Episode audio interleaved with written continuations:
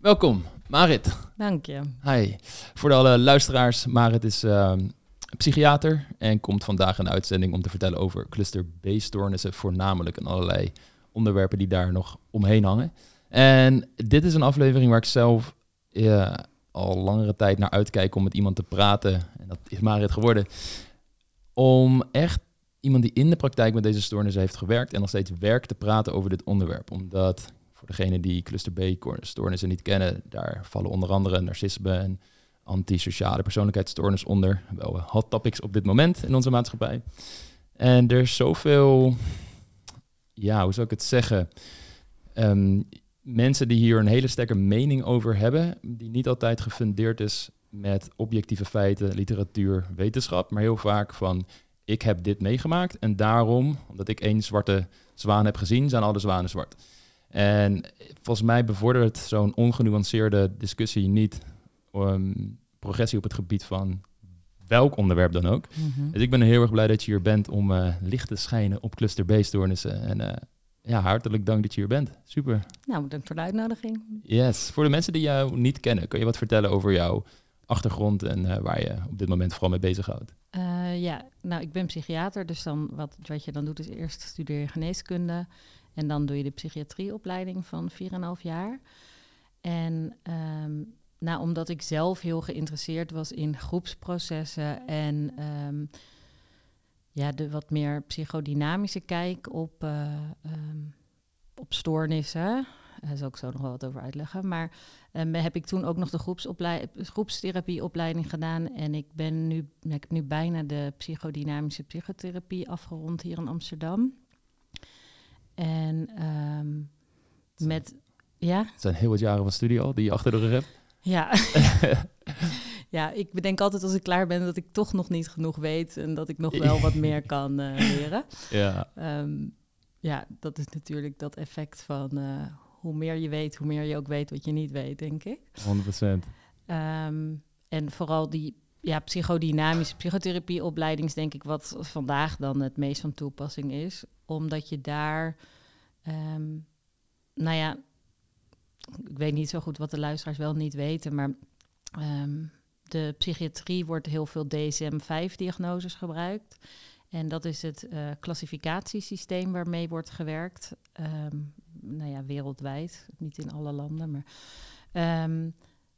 het nadeel daarvan is dat het over uiterlijke kenmerken gaat. Mm. Dus het zegt eigenlijk helemaal niks over de oorzaak. Het is eigenlijk wat je noemt een syndroomdiagnose. Dus je kijkt naar uiterlijke kenmerken en als iemand een soort cluster van die kenmerken heeft, dan heeft hij de diagnose, wordt dan gezegd. Um, maar daarin worden diagnose en klassificatie vaak door elkaar gehaald. Want het is een klassificatiesysteem om mensen te onderscheiden in bepaalde groepen. En een diagnose is vaak iets wat ook wat zegt over de oorzaak. Mm. En um, daar ondersteunt die DSM dus helemaal niet in op het moment. Uh, er, zijn wel geluiden dat ze dat willen veranderen, maar dat is er nu nog niet.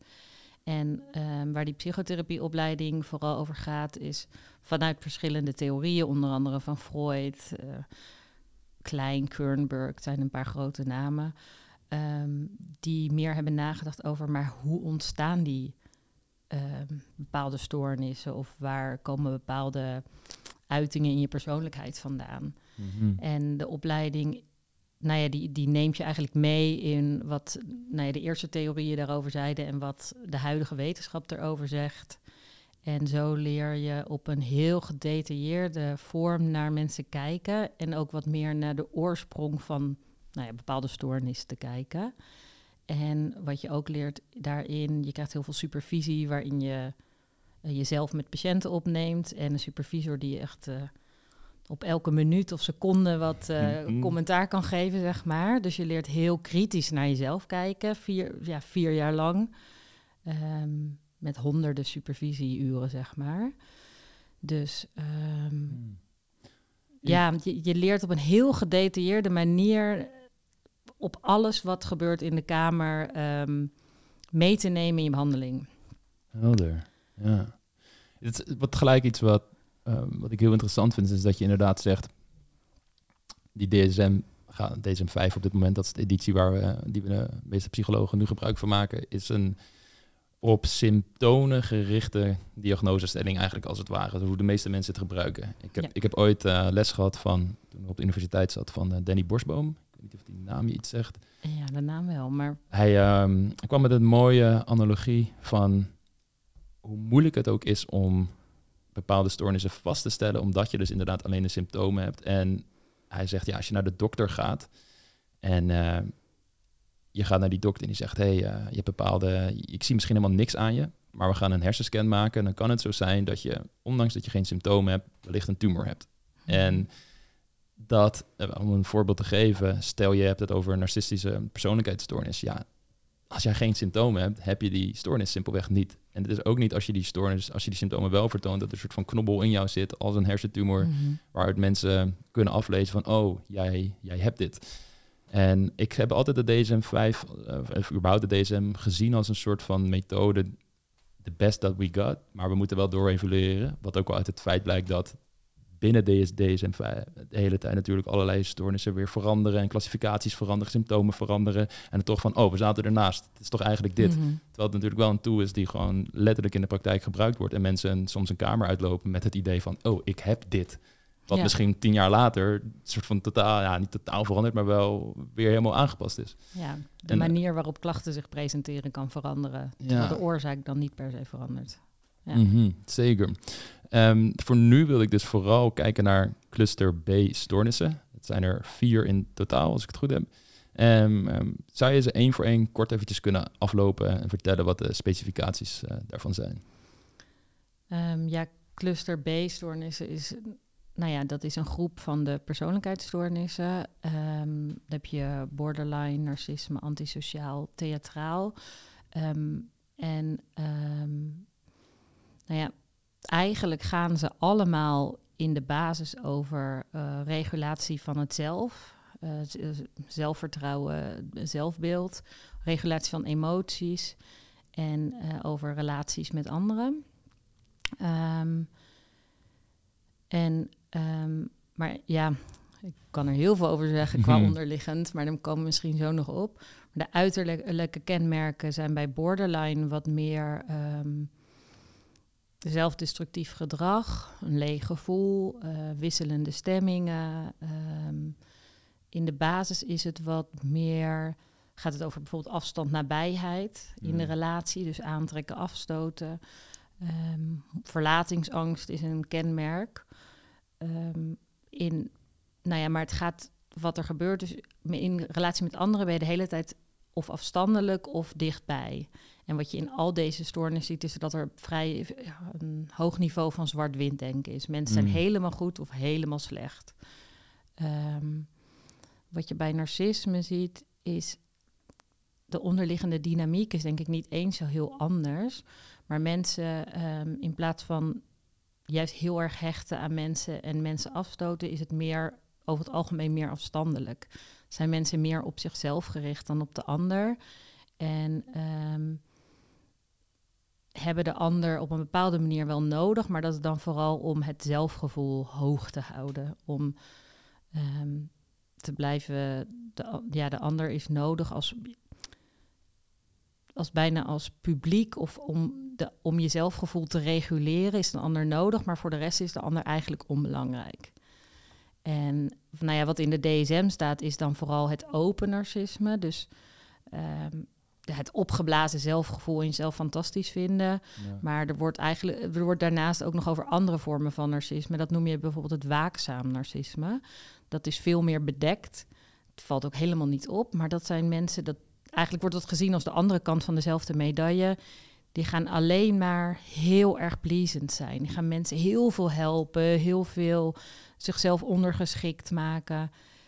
En dat is eigenlijk ook een manier om dat zelfgevoel te reguleren. Want zolang ze maar belangrijk zijn voor anderen, door heel veel te doen en heel veel bij te dragen, um, blijft hun eigen zelfgevoel ook hoog. Hmm. Maar als dat wegvalt, kunnen ze ook in een gat vallen, bijvoorbeeld. Dan heb je nog de antisociale, dat is een andere categorie. Maar hoe het vanuit mijn opleiding, als je meer oorzakelijk kijkt, zie je eigenlijk dat het meer een continuum is waarin licht narcisme aan de ene kant staat en ehm, nou ja, het echt ziekelijk narcisme aan de andere kant. En als je nog wat verder doorgaat, dan, dan kom je op antisociaal. Mm. Dus dan is dat niet gericht zijn op de ander eigenlijk helemaal weg.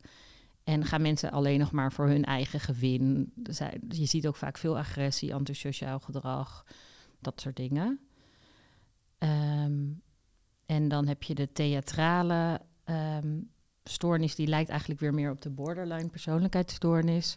Ehm, maar het gedrag is veel meer outgoing.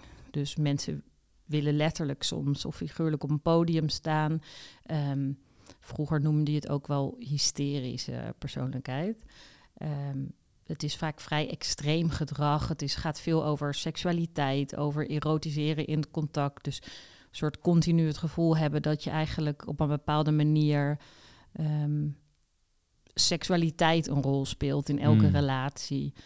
Dat soort kenmerken. Ehm, nou ja, nu noem ik een paar kenmerken op, want het is een hele lijst natuurlijk. Ja. Ehm, toch denk ik dat hoe wij er vanuit mijn opleiding naar kijken, is dat onderliggend, ehm, juist omdat op die drie bi- gebieden van relaties, emoties en zelfgevoel eigenlijk bij al die stoornissen wat speelt, is het onderliggende principe vaak verschillende varianten van hechtingsproblematiek. Mm. Ja. ja, wat je zo mooi zegt, dit zijn de uiterlijke kenmerken waarin je het kunt herkennen van oké, op die manier kunnen we als het ware de verschillende stoornissen onderscheiden van elkaar. En wat inderdaad heel interessant is en waar ik ook naartoe wil, is oké, het is er, maar wat is dan de oorzaak daarvan? En dan noem je inderdaad eh, drie dingen, relaties, emoties en zelfbeeld. Is dat een ander woord voor eh, de derde pijler die je zojuist noemde? Ehm, hoe bedoel je? zelfbeeld als in je- de eigenwaarde die je ervaart. Of je, ja, Oké, helder. Ja. Ja, want dat is een hele interessante uit de research die ik zelf hier naartoe ge- in gedaan heb. En wat ik kon vinden is dat er vaak ook culturele factoren worden genoemd, zoals nou, narcisme en antisociale eh, persoonlijkheidsstoornis komen meer voor bij mannen. Wellicht ook omdat het cultureel, me- cultureel meer geaccepteerd is dat zij opscheppen over bepaalde doelen die ze hebben gehad. En het bereiken, het competitieve, het succes.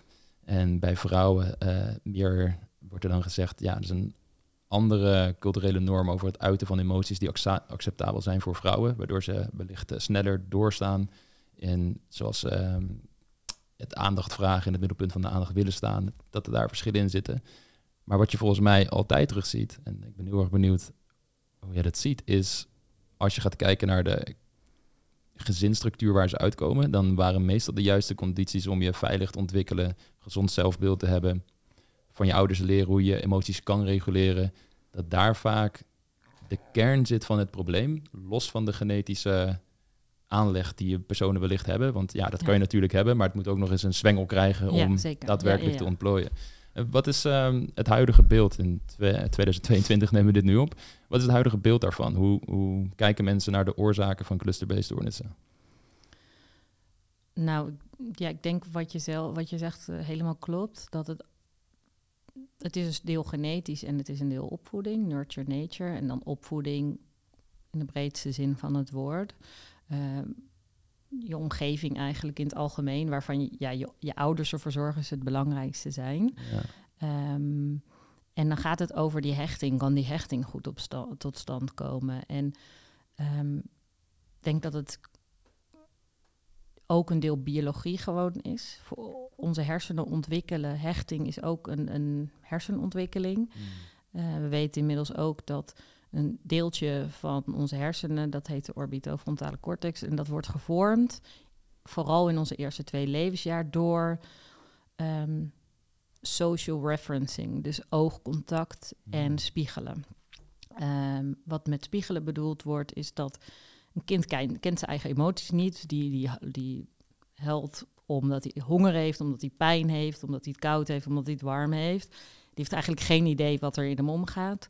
En hij leert zichzelf eigenlijk kennen omdat de moeder dat een beetje, die spiegelt eigenlijk wat het kind nodig heeft. Dus een moeder zegt, oh heb je honger, hier heb je eten. Oh ben je gevallen, heb je pijn. Dus die moeder benoemt emotie Ehm, dat noem je spiegelen. En dat doet ze op een bepaalde manier waarop duidelijk is dat het niet haar emotie is, maar van het kind. Dus de moeder gaat niet keihard meehuilen als het kind is gevallen. Die zegt, oh vervelend. Een beetje een lichtere variant als het Mm. ware.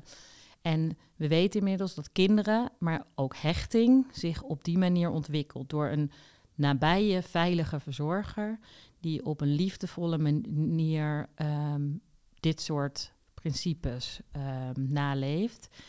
En een, echt, het gaat door positieve emoties. Hmm. En een kind mag best gefrustreerd raken. Je hoeft dat niet al, altijd goed te doen. Je, hoeft, je mag ook ernaast zitten weten inmiddels dat ongeveer de helft, iets meer dan de helft, eh, moet je er min of meer op zitten. En voor de rest mag je ook het heel vaak verkeerd doen als je het maar weer repareert. Ja. En zo ontwikkelt een kind zich in ehm, en leert hij zijn emoties kennen, maar op die manier ook zijn emoties reguleren. En zijn zelfgevoel reguleren, maar ook zijn relaties met anderen ehm, begrijpen. En waar vroeger gedacht werd, nou je moet ook een kind gewoon vooral goed genoeg frustreren en laten huilen als hij huilt, want dan eh, leert hij een beetje zelfstandig te zijn, is dat wel echt heel erg veranderd. En dat we weten, een kind leert dat hij capabel is in de wereld veilig door een veilige wereld. Niet door een gefrustreerde wereld. Want dan leert een kind eigenlijk dat hij dus niet capabel is om zijn eigen. ehm, hij leert niet het komt wel goed. Hij Hmm. leert niet het kan even misgaan, maar uiteindelijk komt het weer goed. Een kind leert het kan misgaan en uiteindelijk krijg ik helemaal niet wat ik nodig heb. En dat kan bijvoorbeeld maken dat een kind zich af gaat keren van zijn verzorger. In principe zijn kinderen helemaal op hun verzorger gericht. En dan denk ik, nou, dan moet ik het maar met mezelf doen. En dat is bijvoorbeeld hoe narcisme, in elk geval in de theorieën, dat hoe narcisme ontstaat. Dat een kind eigenlijk besluit, ik heb niet zoveel aan die ander, dus ik moet Hmm. het van mezelf hebben. En waar de meeste mensen, nou ik zeg de meeste mensen, maar ongeveer, nou ja, de, de onderzoeken verschillen, maar rond de helft van de mensen is niet veilig gehecht. Dus Ja. er zijn heel veel mensen met dit soort eh, problematiek. Maar bij narcisme is het dan wel wat. Nou ja, het is gewoon een stapje extremer dat je die klachten ontwikkelt. Ehm, dus een kind leert, ja, ik heb die ander eigenlijk niet nodig, want daar heb ik niks aan. Dus ik heb alleen wat aan mezelf. Maar je hebt die ander wel nodig, want je hebt die ander nodig om zelfvertrouwen te ontwikkelen, te ontwikkelen dat het goed komt, dat je goed genoeg bent. En dat heb je dan niet. Dus dat moet je uit jezelf gaan halen. Hmm. Dus je ziet ehm, dat mensen die narcisme, narcist wo- worden of narcistische persoonlijkheidsstoornis ontwikkelen, ehm, dat, dat alleen maar op zichzelf gericht zijn. Nou ja, dat herken je natuurlijk wel een beetje in de kenmerken die erbij horen. Ehm, maar ze verbinden zich dus ook eigenlijk niet met andere mensen. Hmm. De ander is niet iemand waarmee je verbindt en waarin je benieuwd bent wat er in die ander afspeelt. Want dat heb je helemaal niet geleerd. Ehm, in de psychotherapie noem je dat geïnternaliseerde objecten, waarin objecten dan de ander zijn. Je hebt daar eigenlijk geen positieve eh, voorbeelden van. Dus je bent eigenlijk alleen maar gericht op jezelf.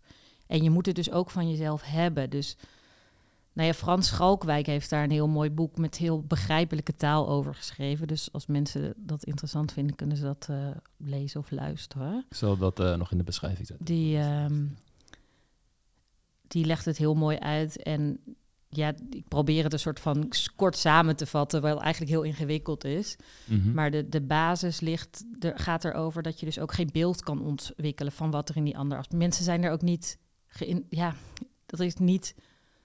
Ik zeg ze zijn er niet in geïnteresseerd, maar dat is ook omdat ze niet hebben geleerd om er geïnteresseerd in te zijn. En dat maakt het heel ingewikkeld om bijvoorbeeld een relatie te ontwikkelen. Want de ander is er alleen om jouw zelfgevoel te reguleren. En niet zozeer als een bestaand persoon met behoeftes. Hmm. Ja, en ik denk dat dat het ook moeilijk maakt voor mensen om zich in te leven en te begrijpen hoe iemand met narcisme denkt. Omdat je, als ik naar mezelf kijk, het zo'n vanzelfsprekend iets is dat als ik iemand, als ik om iemand geef, dat ik wil weten hoe het met die persoon gaat en er voor die persoon wil zijn. Omdat dat een beeld is waar ik eh, niet alleen van denk, dat is het beste voor ons beiden. En dat is iets wat vriendschap zou moeten zijn. Dus een soort van eh, ja, hoogste goed dat ik nastreef, als het ware in die relatie. Maar ook omdat het me heel veel goede emoties geeft. Dus ja, ik doe het voor die anderen. Maar ik weet ook dat het fijn is om te doen. En dat ik dat dan weer terug kan verwachten, dat speelt wel een rol ergens. Ik denk dat het altijd wel aanwezig is. Maar het, ergens is het gewoon, het geeft gewoon een fijn gevoel ook om dat te doen. En wat ik begrijp is, is dat iemand met narcisme dat eigenlijk als het ware niet zo ziet. Die ziet het meer van, oké, de lens waardoor ik deze persoon bekijk is meer van, kan ik mezelf valideren als het ware, um, goed voelen op een, een, een, andere manier. Dit als het ware gebruiken om bepaalde doelen die ik nastreef, gewoon ja, op een onbewust niveau. Het is niet dat er iemand met narcisme echt zo denkt, nou, die persoon kan ik wel gebruiken. Precies. Uh, die leven ook gewoon hun leven. Ja. Uh, maar in de praktijk zie je dat vaak. En omdat het heel zwart-wit is, maar ook omdat zij hebben eigenlijk nooit die ander in gedachten. Dus um, als ik um, weg ben van uh, mijn man of mijn kind, dan weet ik dat ze nog bestaan. En dan af en toe komen ze voorbij. Of ja. dan denk je, je bent je altijd bewust dat die, dat die er is. Als ik een andere man kom, tegenkom bij wijze van, denk ik, ja, maar wij zijn al samen, bij wijze mm. van spreken. En dat is iets wat we objectconstantie noemen. Dus, dus iemand blijft bij je zonder dat die er echt is. En dat is er eigenlijk niet of weinig. Dus als de partner uit beeld is, bestaat die bijna niet meer. En dat kan ook beangstigend zijn. Want vaak hmm. denken ze, nou, dat is dan andersom ook zo. Dus daar komt soms ook die controle-drift vandaan, hè, of jaloezie. Want ze denken dat het andersom ook zo is. Van als partner hmm. niet bij mij is en hij praat, zij, hij of zij praat met een ander iemand, dan is ze mij helemaal vergeten en ben ik blijkbaar helemaal onbelangrijk. En dat maakt heel jaloers. Mm, dus, vrij letterlijk uit het oog, uit het hart, als het ja, ware. Ja, ja. ja. Mhm, dat is iets wat je natuurlijk ook vaak hoort. Dat de controle en isolatie, vooral in heftige narcistische relaties, steeds meer toeneemt. En niemand als het ware het contact met de buitenwereld steeds meer kan verliezen. Door steeds maar toe te geven aan die eisen, aan de jaloezie. Jezelf meer weg te cijferen. Ah. Ja, het idee is als het ware, uh, liefde is een soort taart. En die kan opgaan. En ik wil de hele taart hebben. En je mag dus niks aan anderen geven. Hmm. Terwijl het, we weten, liefde is niet een soort beperkte bron. Je kan van diegene houden en nog steeds evenveel van je partner. Maar zo voelt het niet hmm. voor mensen met narcisme. Helder. En mensen die een antisociale persoonlijkheidsstoornis hebben ontwikkeld, dus als het ware in de zwaarste categorie vallen, om het zo maar te zeggen, hebben die dan ook extra zware dingen meegemaakt? Of zijn er duidelijke kenmerken dat je een verhoogd risico hebt om dat te ontwikkelen? Ja, ik denk wel. Het is natuurlijk altijd je eigen kwetsbaarheid en wat je meemaakt. Maar ehm, vaak zie je wel dat die ook ergere dingen hebben meegemaakt. Ja. Hmm. Ja, dat is, maar dat is ook wel het interessante, toch? Want wat je al zegt, je eigen kwetsbaarheid en persoonlijkheid, kan ik me voorstellen dat het ook een rol speelt. Als je, je temperament ja, gevoeliger bent voor negatieve emoties, zal je waarschijnlijk ook dezelfde ervaring als iemand die dat minder heeft, zwaarder ervaren, misschien meer impact hebben. Maar dit, dit is natuurlijk iets wat je wel vaak hoort. Dat mensen zeggen van ja, oké, je hebt gewoon uh, een broer en een zus bijvoorbeeld. En ze hebben zelf, redelijk dezelfde opvoeding gehad, al zou je dat nooit helemaal hebben. Uh, maar de, zwangerschap bij, bij zus was misschien uh, hartstikke stressvol. Maar zij heeft nergens last van. En ontplooit zich fijn en gaat allemaal goed. De zoon was, heeft misschien juist een hele fijne zwangerschap voor de moeder gehad. Kwam prettig ter aarde. Uh, geen grote negatieve gebeurtenissen in het leven. En toch ontwikkelt hij misschien iets. Uh, dit, dit zijn verhalen die ik zelf eens bij me krijg. Uh, ook in mijn omgeving zie. Um, waar ik dan toch altijd denk van... oké, er zit ook wel een belangrijke biologische factor waarschijnlijk... die een grote impact kan hebben op de ontwikkeling van, van dit soort dingen. Hoe, als ik zo'n verhaal schets, wat uh, voor dingen, ja, wat denk je daar dan over? Hoe is, hoe is dat te verklaren, als het ware? Nou ja, we weten in ieder geval dat bij antisociaal en psychopathie wel degelijk een groter genetisch uh, onderdeel zit. Um, maar ja, dat twee kinderen uit dezelfde familie komen, vind ik, dat hoeft niet per se altijd wat te zeggen. Want hmm. het kan ook echt dat weet ik veel, moeder eigenlijk een jongetje wilde, dus het meisje uh, devalueert. Of moeder eigenlijk zelf een beetje een narcistisch of een borderline dynamiek heeft. En jaloers is op haar dochter en niet op haar zoon. Dus, Mm. toch, dus toch stiekem onderhuidse dingen uitstraalt van dat de al- ene bijvoorbeeld minder waardig is dan de ander. Dus je ziet, wat, wat ik vaak zie is, eh, ja, ik werk nu met adolescenten en dan soms wordt iemand een beetje als het probleem gepresenteerd, terwijl je eigenlijk altijd ziet dat er gewoon een gezinsdynamiek is. Ja. En je ziet toch vaak dat één iemand in dat gezin een beetje de zondebok wordt. Want als we dan met z'n allen onze agressie op diegene kunnen projecteren, dan zijn wij allemaal oké. Dus je ziet ook wel vaak dat kinderen in een gezin door hun kwetsbaarheid of door hun gevoeligheid een soort rol bedeeld krijgen en ook zo ontwikkelen.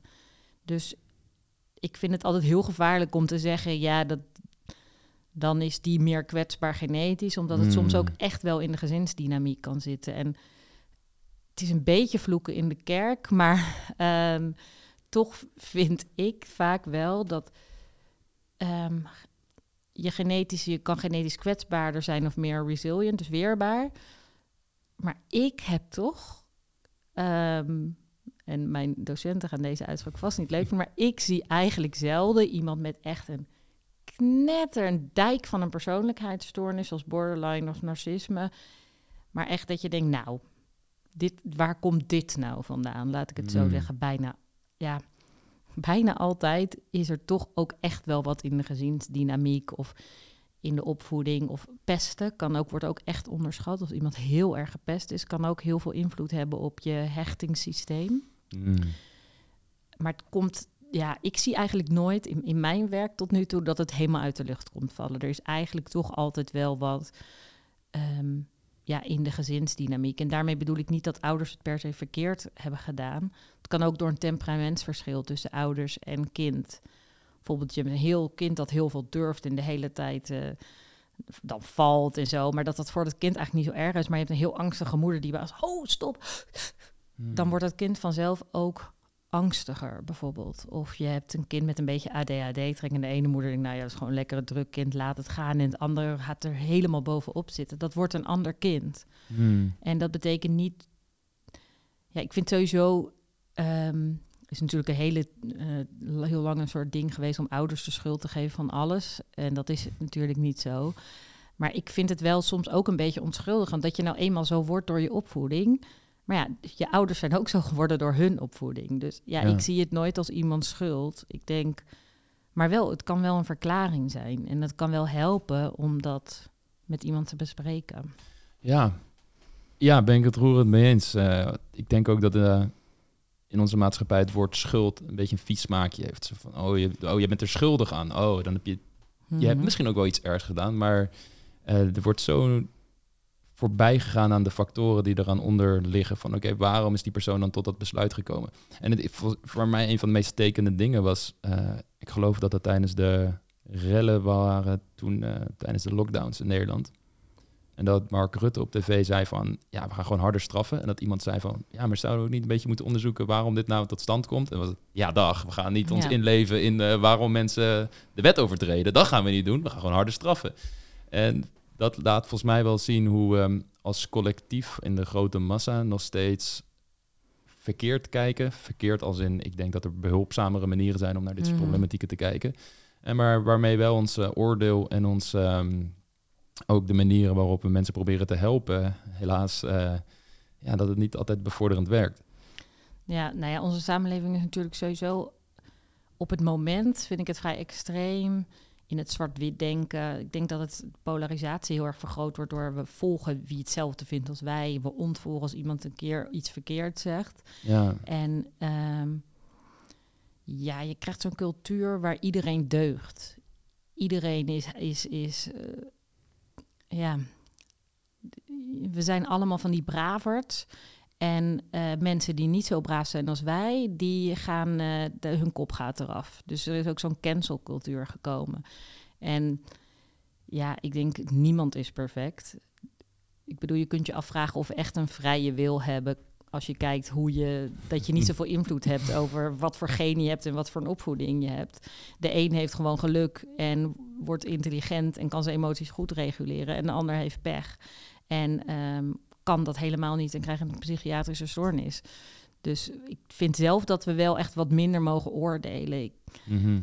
ja, weet je, zo perfect zijn mensen niet. En dat zie ik in mijn eigen praktijk eh, vaak genoeg. Er zit zoveel Ja. onder, zowel positief als negatief, dat ja, we ons oordeel wel een beetje meer mogen laten varen wat eh, dat betreft. Denk Ja, ik. absoluut. En ik ben, ik ben ook heel erg benieuwd, dat het bruggetje wat ik straks wil maken naar eventuele behandelingen of hoe je mensen die dit soort stoornissen hebben of symptomen hiervan, eh, hoe ze, vooral mensen die wellicht luisteren en zichzelf hierin herkennen, want ik krijg dat, sommige vragen daar ook nog eens over bij me. Ehm, maar een van die dingen die je benoemt, inderdaad, het harde oordelen erop, het zwart-wit denken, jij bent goed, jij bent fout, dat is zo moeilijk als je dat label opgeplakt krijgt dat jij fout bent, omdat je het haast gaat zien als een onderdeel van je identiteit. En Mhm. wat eh Gabor Mate, een van mijn eh, grote leermeesters online, om het zo maar te zeggen, zo mooi zegt, is van ja, je moet niet per se kijken, ook bij verslaving, naar waarom mensen die pijn hebben, maar meer van oké, eh, wat zijn de manieren waarop ze met die pijn omgaan? En het is niet dat ze er iets mis met hen is, maar er zijn gewoon dingen gebeurd in hun leven waarom ze zo geworden zijn. En daar moet je echt op inzoomen. En niet zozeer op eh, deze persoon is gewoon fundamenteel in de kern rot. Deugt niet, Mhm. eh, het zal nooit anders worden. En dan krijg ik heel veel mensen bij, bij me in hun liefdesleven die zeggen: Ja, ik heb gewoon rondgelopen met het idee, ik ben anders. Liefde is voor mij niet weggelegd. Ik trek nou eenmaal dit soort partners aan en daar is niks aan te doen. Tot ik ze vaak help om bijvoorbeeld een ouder verhaal, zoals we dat noemen, een, een kind-ouder dynamiek, negatieve gebeurtenissen in hun leven, eerdere relaties en gewoon kijken wat zijn de overtuigingen zo die je op basis daarvan hebt Mhm. ontwikkeld. En hoe die in het hier en nu jouw gedrag sturen. En wanneer ze die link gaan leggen en vervolgens ook zo goed als dat gaat, emotieregulerende technieken leren, eh, leren te ontkoppelen als het ware van dat oude verhaal. En ook leren hoe ze juist een nieuw verhaal kunnen schrijven en een veilige basis in het contact met mannen kunnen ontwikkelen. En dan, dan is een van de grootste dingen die ik altijd terugkrijg van het inzicht dat er niks mis met mij is, maar dat er dingen zijn gebeurd waardoor mijn gedrag Mhm. zo zich heeft ontwikkeld, heeft me als het ware een beetje bevrijd. Het voelen van, oh, ehm, het helpt me om te geloven dat ik er wat aan kan veranderen. Want dan ga ik het in ieder geval proberen en alle progressie die ik boek is toch mooi meegenomen eh, daarin. En ik denk dat dat eh, heel erg inspeelt inderdaad ook in het idee van het harde oordelen, het zwart-wit denken. Het is goed als mensen met dingen uit hun schaduwkant naar voren komen en zeggen: hey, ik heb lelijke dingen gedaan in mijn leven. Mhm. Eh, ik vraag niet om dat allemaal maar goed te keuren, maar ik vraag wel om me te helpen een beter mens te worden, als het ware. Hiervan te leren en door te gaan en een voorbeeld te zijn voor mensen die wellicht voor zelfde keuze staan. En dan niet mijn pad gaan bewandelen, maar een ander pad kiezen. Nu, als we dan weer teruggaan naar de, de, de, de stoornissen eh, waar we het zojuist over hadden. Is dat, denk je, mogelijk voor mensen die zo'n stoornis hebben ontwikkeld, om wanneer ze het bij zichzelf erkennen, daar nog veranderingen in aan te brengen, dat ze minder symptomen gaan vertonen van bijvoorbeeld narcisme? Ehm, ja, ik denk wel dat. Kijk, ik maak even onderscheid tussen een beetje borderline theatraal en narcisme antisociaal. Ik denk zeker bij borderline is het heel goed mogelijk. Er werd vroeger gedacht dat is helemaal niet mogelijk, maar. ehm, Tot, wanneer was dat? Weet je dat een beetje? Is dat vorige eeuw gewoon nog? Of? Ja, maar nog niet eens zo heel lang geleden hoor. Dat er eigenlijk werd gezegd, ja, we kunnen er niet zoveel mee. Hmm. Ehm, nou, ik heb wel echt gezien dat er heel veel mee kan. En nou ja, ik heb op een kliniek ge- gewerkt waar mensen die niet snel genoeg beter werden op andere klinieken of eigenlijk niet terecht konden op andere klinieken omdat ze heel veel verschillende diagnoses hadden eh terechtkwamen. En ook nou, best jonge meiden of vrouwen gezien die gewoon echt heel veel hadden meegemaakt. Echt de meest vreselijke voorgeschiedenissen voorbij zien komen ja, die het eigenlijk al opgegeven hadden bij. En die dachten, ja, ik word gewoon mijn hele leven opgenomen. En dat, dat is mijn leven. Terwijl je echt met de goede therapie, psychotherapie dan vooral, niet zoveel medicatie of zo, heel veel kan bereiken. Hmm. En dat, dat echt een heel groot deel daar nu gewoon weer op zichzelf woont. Kijk, die kwetsbaarheid gaan ze altijd hebben, maar een, een heel groot deel die, die snee veel en die deed suïcidepogingen soms wel meerdere keren per week. En die doen dat gewoon niet meer. Hmm. Dus daarmee hebben ze de uiterlijke kenmerken van hun borderline, dus de DSM-classificatie, ja, zijn eigenlijk grotendeels verdwenen. De dynamiek en wat eronder zit en de hechtingstoornis, ja, die, die zijn een stuk moeilijker op te lossen. Dus of je dat helemaal gaat oplossen, dat, dat, bij dat heel heftig getraumatiseerde is dat bijna niet te doen. En dan bedoel ik echt heel vroeg stelselmatig kindermisbruik of zo. Op het moment dat je Ehm, brein echt nog primaire functies aan, ja, aan het ontwikkelen is. Gewoon ja. alleen maar onveiligheid in je hele jeugd. Ja, je zal de wereld nooit als een veilige plek gaan ervaren. Maar je kunt wel leren wat er bij je gebeurt en niet meer op een heel ongezonde manier reageren. Of je binnenwereld daarvan altijd vrolijk en blij wordt, nee. Dus dat niet. Maar het kan wel dat je gewoon veel beter kan functioneren en mee kan komen in dagelijks leven. Maar dat zijn ook vaak mensen die willen echt wel hulp. Ik Ja. ik zeg altijd, het zijn je ergste en je leukste patiënten. Want op een bepaalde manier maken ze heel intensief contact met je. En op een bepaalde manier kunnen ze je ook om de oren slaan tijdens je therapie met de meest eh, vreselijke verwijten. En dat kan ook heel frustrerend zijn, maar dat doen ze omdat dat hun overleving is geweest. Dus als je daar begrip voor hebt en compassie voor, voor kan hebben, maakt dat niet uit. Maar borderline heeft ook een heel negatieve lading natuurlijk. Maar het zijn ook gewoon hele leuke, super levendige mensen. Ik vind het de leukste behandeling, omdat er zoveel leven in zit. Ja, ze hebben alleen ook een hele grote handicap. En af en toe geven ze je een enorme haal. Ja, dat, dat is wat het is. Maar daar kunnen ze wel mee leren omgaan en dat minder leren doen. Waarmee hun relaties bijvoorbeeld veel stabieler worden. Het probleem bij narcisme en antisociaal is dat zij het vaak zelf niet zo heel erg als een probleem zien. Hun omgeving ziet het probleem. Ja, maar zij eigenlijk niet. Dus het probleem ontstaat als ze ontslagen worden of onderuit gaan of hun relatie uitgaat. Dan hebben ze even een probleem en dat is eigenlijk dat probleem. En dat komt vaak door de ander. Mhm. Dus soms bestaat een therapie alleen uit nou, dat kleine stukje helpen oplossen met ja, compleet behoud van het narcistische onderlaagje, om het maar zo te zeggen.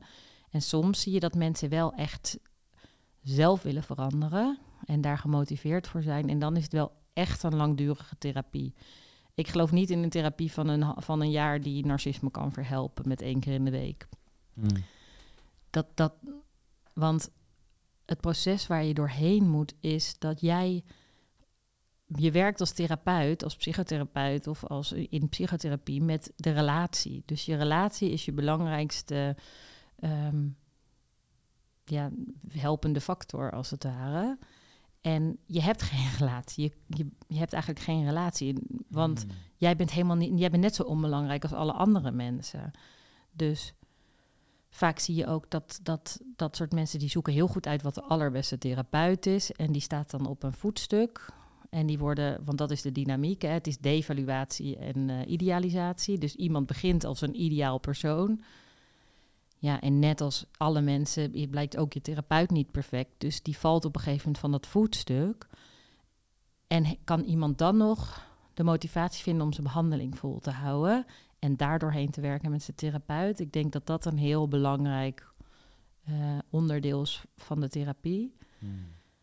En dan heel langzaam, echt over jaren, langzaam de ander als meer een persoon gaan zien en je realiseren dat je, dat je ook een relatie mag hebben. En nee, het zijn nog allemaal ingewikkelde dingen, maar die hoef ik nu denk ik niet uit te leggen. Ehm, maar het proces is zo ingewikkeld omdat je die relatie niet hebt. Hmm. Ja, dat is wel een, een heel interessant punt wat je noemt. De relatie opbouwen met de cliënt. Aangezien eh, ik soms verhalen bij me krijg van mensen die coaching volgen. En die zeggen, ja, ik vind het zo prettig dat ik echt het gevoel heb dat jullie hier als mens in zitten. En niet zozeer in een coach, ehm coachie verhouding. Op een bepaalde manier natuurlijk wel. Dus al, dat zal er altijd zijn.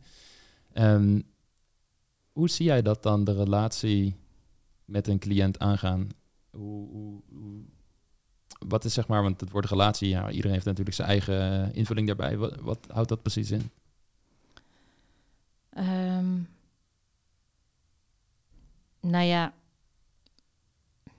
iedereen heeft daar denk ik een andere stijl in. De een is wat meer zijn authentieke zelf en wat an, de ander heeft wat meer een therapeutenrol, denk ik. Ja. Maar voor mij persoonlijk, ehm, en ook wat ik wel in mijn opleiding heb geleerd, vaak worden, wordt psychotherapie een beetje als een afstandelijke behandeling gezien. Van, eh, omdat je wat je niet doet, is meteen voldoen aan wat je in, intuïtief voelt dat, de, dat de, de cliënt graag wil. Dus Mm. dat heet gratificatie, dus dat doe je niet. Dus wat die cliënt graag wil, ga, ga je niet doen, maar ga je over hebben waarom die dat graag wil. En dat voelt afstandelijk. Want als je een beetje empathisch mens bent, dan wil je gewoon daarin voldoen. Maar dat is ook een heel belangrijk onderdeel van de therapie, dat iemand daar dus over na leert denken. En dat leert voelen en verdragen enzovoort. Dus, ehm, maar dat wordt vaak verward met heel afstandelijk zijn. En wat heel grappig is, wat ik heb gemerkt in mijn opleiding, is dat je begint en denkt een beetje van, oh ja, misschien moet ik wat afstandelijker zijn en niet meteen op elke impuls dan reageren van empathische handeling, om het maar zo te zeggen. Tot je realiseert dat je wel zeker dat kan doen. Alleen je moet het echt met een tussenstapje doen. In bedenken, doe ik dit omdat dit fijn voelt voor mij, omdat ik het eigenlijk moeilijk vind om de patiënt te frustreren? Of doe ik dit omdat ik nu weet dat vanuit psychodynamische kijk dat de patiënt gaat helpen? Hmm. En we zijn allemaal mensen. En als je daar niet bij ingetraind bent, is het bijna onmogelijk om niet gewoon dat eerste te doen. Ja. En ik denk dat dat bij narcisme is het heel belangrijk dat je een therapeut hebt die dat heel goed kan. Dat je Mm. daar echt heel goed mee kan omgaan. Dat noem je overdracht en tegenoverdracht. Dus overdracht is wat roept de patiënt bij jou op en tegenoverdracht is wat gevoel heb jij over de patiënt. En dat kan nog een stukje verder gaan en dan heet het projectieve identificatie. Dat betekent dat je ook echt de gevoelens van de patiënt ook gaat voelen. Hmm. En daar moet je mee om leren gaan, omdat je die gevoelens of de- bijvoorbeeld irritatie, wat heel vaak bij narcisme ontstaat, dat de therapeut gaat geïrriteerd worden of onzeker. En daar moet je dus niet naar gaan handelen. Je moet daarover nadenken. Hé, hey, wat gebeurt er nu? En daar in een soort genuanceerde vorm iets over teruggeven. En dat is echt niet zo makkelijk. Nee, je bent jezelf aan het reguleren en je bent tegelijkertijd de andere persoon aan het Ja. helpen. Eh, wat gewoon een gigantische vaardigheid is, maar volgens mij ook een hele stabiele basis in jezelf, dat je daar überhaupt eh, in staat toe bent, zoals je terecht Ja. zegt. Ja, ja, dat is echt wel iets wat je moet leren. Ja, dat is een, eh, wel een duidelijk. Ik- Wat je vaak hoort is dat natuurlijk mensen zeggen van ja, ik ben met mijn partner in therapie gegaan, maar hij wist de therapeut zo goed te bespelen als het ware, dat het bijna mijn schuld wel leek of Mhm. dat, dat ik hier de grote boeman was. En dat er volgens mij heel veel therapeuten ook niet genoeg van het onderwerp afweten of wellicht dit soort vaardigheden nog niet genoeg ontwikkeld hebben om met die situatie om te gaan. En stel nu dat er eh, mensen luisteren en ehm, zoiets hebben van oké, ik weet niet helemaal zeker of mijn partner narcistisch hebben, maar dat is, maar dat er in ieder geval destructieve dyn- dynamieken tussen ons zijn, is voor mij vrij duidelijk.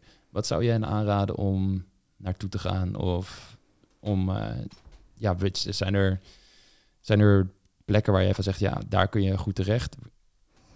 Nou, echt een goede psychotherapeut. Hmm. Ehm, ik noemde net bijvoorbeeld al Frans Schalkwijk. Eh, die is ook echt gespecialiseerd in narcisme en het geweten en zo. Maar volgens mij zit hij ook altijd hartstikke vol. Maar er zijn...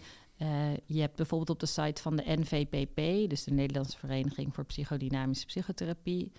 Dat zijn alle mensen die daar een kwalificatie hebben. Daar zou je op kunnen kijken. Ehm, die hebben gewoon een lijst van therapeuten in het hele land. Ehm, maar ja, ik zou dus wel echt een psychotherapeut aanraden voor dit soort problematiek. En niet een basispsycholoog of een GZ-psycholoog. Mhm. Soms een KP'er misschien, maar ik hoor wisselende verhalen van de KP'ers zelf. Dus dat vind ik eh, lastig iets over te zeggen. Ehm, maar je moet iemand hebben die dus met dat overdracht tegen overdracht en daar ook supervisie over hebt gekregen. Want je, hebt, je ziet je eigen blinde vlek niet. Dus je hebt echt iemand anders nodig die jou in het begin leert Hmm. Wat er bij jou gebeurt. En zegt, hé, hey, wacht even, wat gebeurde hier op het bandje of zo? Want je krijgt de supervisie met echt bandjes van je patiënten. Ehm, dus ik zou wel echt aanraden iemand die met die dynamieken gewend is. Want wat ik net al zei, dat die idealiseren, devalueren... dat zie je soms ook, dat de therapeut op een bepaalde manier geïdealiseerd wordt. En dat Ja. noem je dan een narcistische collusie. Dan denk je, oh, wat zijn we lekker bezig met z'n tweeën. Ik Ja. ben een hele goede therapeut en jij je bent een hele goede cliënt. En eh, we zijn eh, echt lekker bezig. Maar dan, zie- ja, daar wordt niemand beter van uiteindelijk. Dus je moet iemand hebben die daarmee kan omgaan. Ja, helder. En dan wat je ook vaak hoort is, het lijkt wel alsof er steeds meer narcisme is, of, of dat er steeds meer mensen narcistische trekjes in ieder geval ontwikkelen en dat het meer prevalent is, maar ook heftiger wordt. Je vertelde al iets over met steeds meer zwart-wit denken in de maatschappij, eh, wat een, een kenmerk is van eh, de, de cluster B-stoornissen. Hoe is jouw visie op de tijd waarin we leven omtrent dit soort onderwerpen? Is het misschien ook bijna een soort modewoord geworden en dat mensen het ook gewoon vaker gebruiken als het hen uitkomt? Of is er daadwerkelijk wellicht een trend gaande die zichtbaar wordt? Nou, ik denk wel dat de trekken, de trekken, gewoon de, de, dingen die volgens de DSM, hè, jezelf heel fantastisch vinden, of heel erg naar buiten, heel erg van complimenten afhankelijk zijn, dat zie je natuurlijk heel veel in de maatschappij. Eh, maar dat zou ik niet met de stoornis willen ehm gelijk trekken. Het zijn inderdaad kenmerken, maar lang niet altijd dezelfde onderliggende heftige principes qua hechting en zo. Ehm, wat ik wel merk, je, ja, je hoort wel eens dat het iets eh, meer toeneemt. En ik denk niet zozeer dat dat aan de maatschappij ligt qua selfies en zo. Dat zijn natuurlijk allemaal een beetje van die dingen die mensen zeggen, ja, dat is narcistisch. En Ja, het is natuurlijk ook wel een beetje je ego opblazen, als het ware. Ehm, maar we, we hebben natuurlijk heel veel welvaart. En, heel, en ik denk wel dat we redelijk... ehm, nou ja, dat zie je wel. Dat, dat kinderen veel minder grenzen krijgen. Alles is mogelijk. Cadeautjes. eh, dat men, mensen hebben het vrij druk met hun baan, met andere dingen. Met niet alleen hun baan, want dat was vroeger ook wel, maar ook zoveel, er wordt zoveel van je verwacht, dat het als ouder best wel moeilijk is om helemaal beschikbaar te zijn voor je kind. En ik denk dan eerder dat het daarin zit, dus hoe ouders omgaan met hun kinderen, dan door de maatschappij en hun selfies. En dat, weet ik niet, hè. Dat, dat is niet Mhm. een soort duidelijk eh, uitgezocht, dus dat durf ik niet zo te zeggen. Maar ehm, wat ja, kinderen worden heel erg gestimuleerd om heel fantastisch te zijn. De schoolprestaties worden heel belangrijk. En ehm, gewoon spelen. Kinderen spelen veel minder. Ja, hooguit op de tablet of zo. Maar gewoon Ja. het algemeen spelen. ehm frustratie, tolerantie leren. Daardoor gefrustreerd worden. Dat dingen niet altijd meteen zo gaan als je wil. Dat soort dingen zijn wel belangrijk om een stevige persoonlijkheid te ontwikkelen. Dus ik kan me voorstellen dat dat wel dingen zijn die ehm, ja, daaraan kunnen bijdragen, laat ik het zo zeggen. ja. Ja, dat is wel interessant, omdat we natuurlijk vooral in het Westen kijken naar mensen eh, vanuit een individualistisch wereldbeeld van hè, eh, het gaat vooral om de persoon zelf en het wordt bijna als een eilandje gezien, los van anderen. Ja. Terwijl wat je zo mooi schetst is hoe belangrijk wellicht in het eh, eerste ogenschouw triviale dingetjes zoals veel oogcontact met je kind of glimlachen of emoties erkennen bij een kind en dat terugspiegelen, hoe enorm belangrijk dat is op hele eh, Ja. sterke functies gewoon van het mens zijn als het ware, empathie ontwikkelen en noem maar op. En dat dat tegenwoordig natuurlijk heel makkelijk ehm, onderschat wordt. Omdat, oh, kind is lastig, we zijn in een restaurant, hier, pak mijn telefoon maar Ja, even, dus ga daar maar op zitten. En, oh, het kind ontwikkelt zich, los van de ouders zelfs. Wellicht heeft het dus al bepaalde dingetjes, condities die niet helemaal lekker zaten. En dan kom je ook nog eens in een, op een middelbare school terecht, waarin je veel validatie gaat krijgen door middel van de foto's die je post en een soort persona groot moet houden Ja, waarachter je gaat verbergen. En denkt dat andere mensen het allemaal zo goed hebben en jij wellicht niet. En ook niet durft te openen, misschien naar je ouders, omdat die band er dus niet is. Dus je leert dat ook niet lekker ermee om te gaan en noem maar op.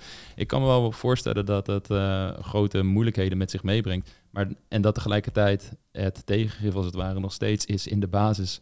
Klinkt bijna als een eh, CDA-lid nu, maar een soort van de, de, familie. Gewoon het, oké, hoe Ja. zitten die eh, structuren in elkaar?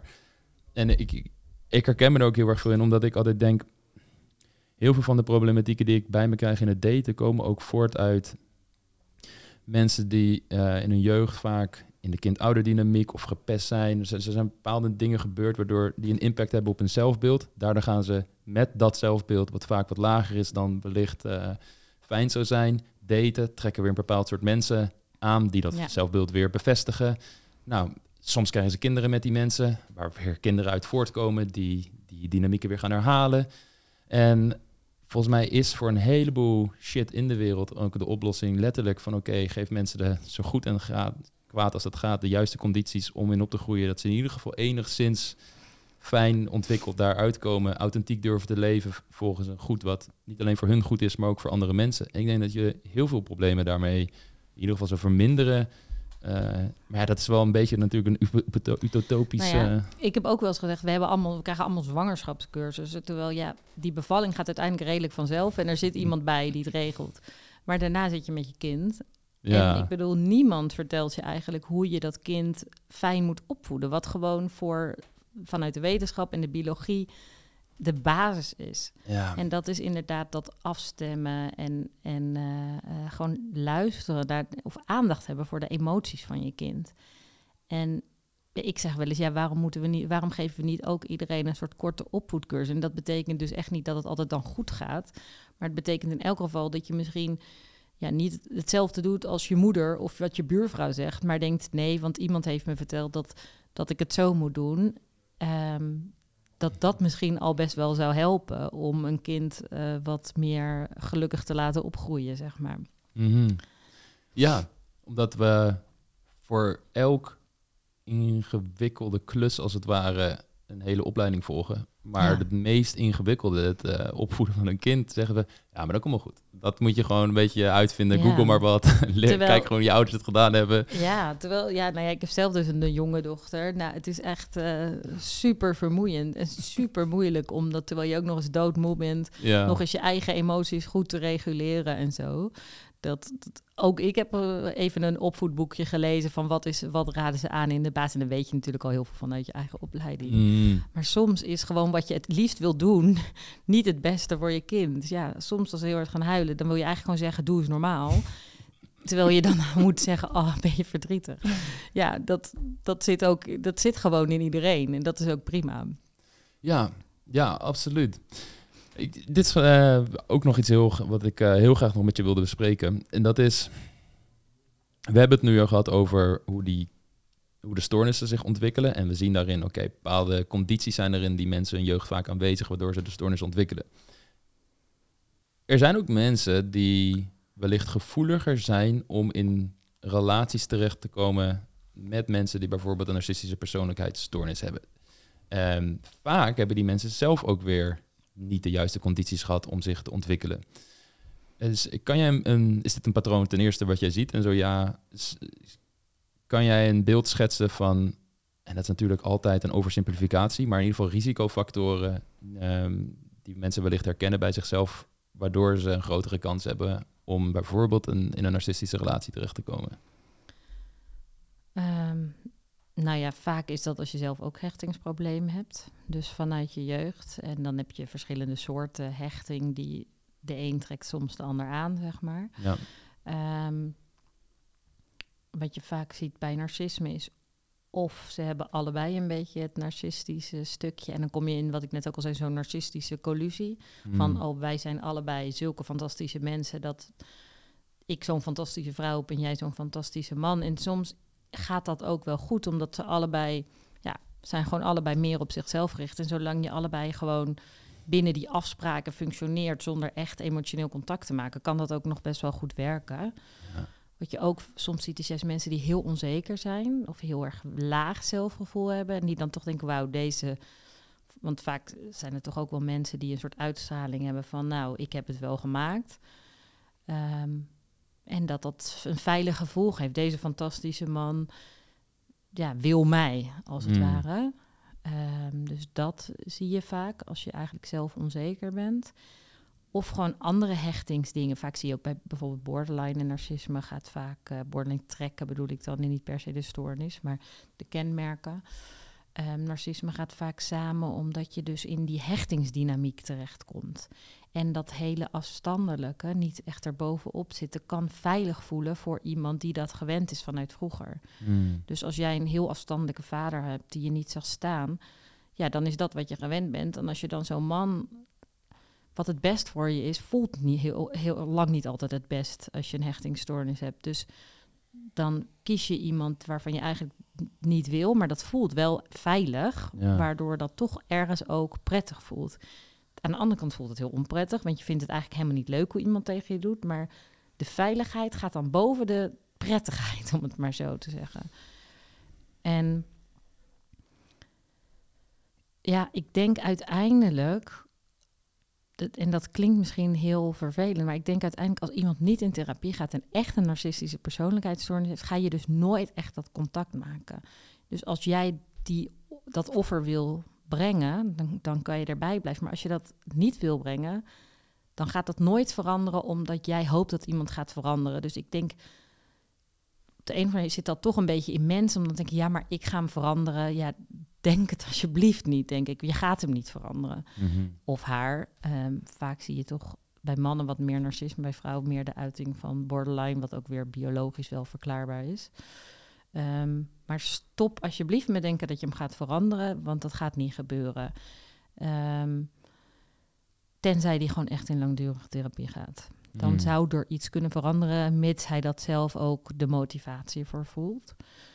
Ehm, en ja, waarschijnlijk is de vraag ook een beetje van ja, in het begin als ik met iemand ga daten, hoe zie ik het of zo? Hè? Dus hoe kom ik erachter? En dat is echt lang niet altijd makkelijk, want ehm, bij narcisme hoort ook de ander vindt mij heel fantastisch. Dus die weten ook gewoon heel goed, die hebben zich aangepast. Dat is ook een overleving om, ja, is heel charmant en heel erg. Het kunnen bijvoorbeeld ook mannen zijn die heel egoïstisch zijn, maar het kunnen ook mannen zijn die gewoon ja, hun zelfgevoel wordt versterkt door het gevoel ik ben een goede minnaar. Dus Hmm. in het begin heb je dat misschien helemaal niet zo door. Lijkt iemand zelfs best wel zelf, ja, selfless. Dus geeft misschien wel veel cadeautjes, heel charmant, zet je op een voetstuk. Ehm, maar het is ja, een van, van de dingen die waar ik heb er ook wel een beetje over na zit. Denk, hoe, wat is nou in, in het begin een beetje een teken?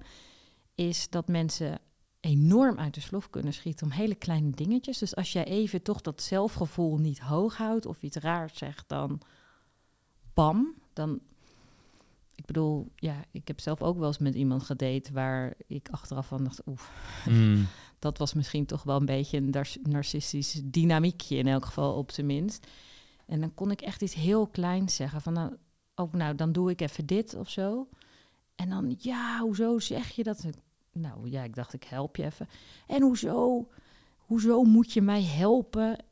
En dan dacht ik, dus denk je dat ik suggereer dat je het zelf niet kan of zo, weet je wel? En dan van dat soort kleine dingetjes, dan kun je merken dat je denkt, oké, dit is raar. Maar ook dat mensen eigenlijk niet zo geïnteresseerd zijn in wat er, mee- wat er bij jou gebeurt. Mhm. Dus echt geïnteresseerd zijn in jou als persoon. Ze weten wel de goede vragen te stellen, maar vragen ze echt door? Vragen ze echt, ben je echt een persoon voor hun? Of zeggen ze eigenlijk vooral dat je zo'n lekker wijf bent en dat je zo, eh, zo leuk bent en een beetje op die manier. Dus dat zijn ook wel kleine hints. Ja. En dat is het interessante ervan weer. Jij bent in de situatie terechtgekomen en nam het niet persoonlijk en zag van, oh, dit gedrag is buitenproportioneel heftig voor de objectieve situatie die zich hier voordeed, als het ware. En dat is een judgment call die jij kon maken, een waardeoordeel daarin.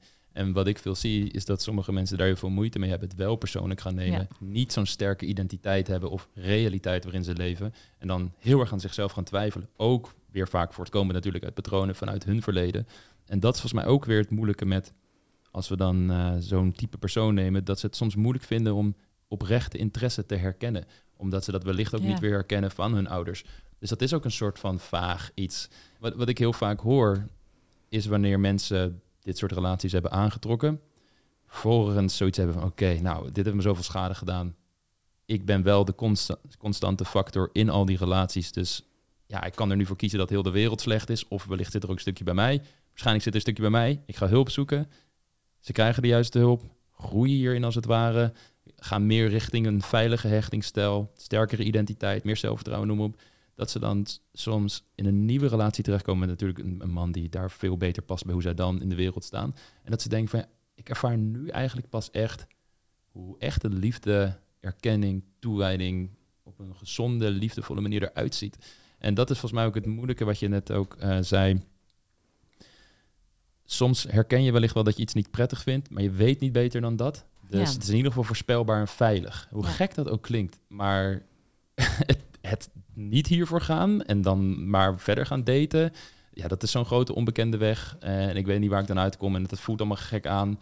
Vaak Ja, zend je ook signalen uit waardoor mensen die wellicht eh, jou daardoor weer minder aantrekkelijk vinden. Omdat ze zien van, oeh, ja, deze persoon heeft toch wel een, een flinke rugzak. En er zit, er zit wel wat staf. Ik weet niet of ik daar, of dat wel past bij hoe ik in het leven sta.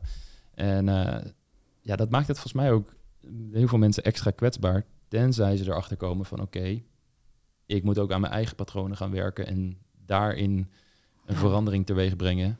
Want dat gaat mijn uiterlijke wereld mee veranderen. Zeker, en vaak zie je ook dat zelfs mensen die niet een dynamiek hebben, dus een man in dit geval, ehm, dat vinden ze. Het is niet alleen dat ze denken, oh, dat andere is spannend om te doen, maar dat vinden ze heel vaak gewoon ook saai of zo. Hmm. Dan ja, zo'n- zo'n saaie man.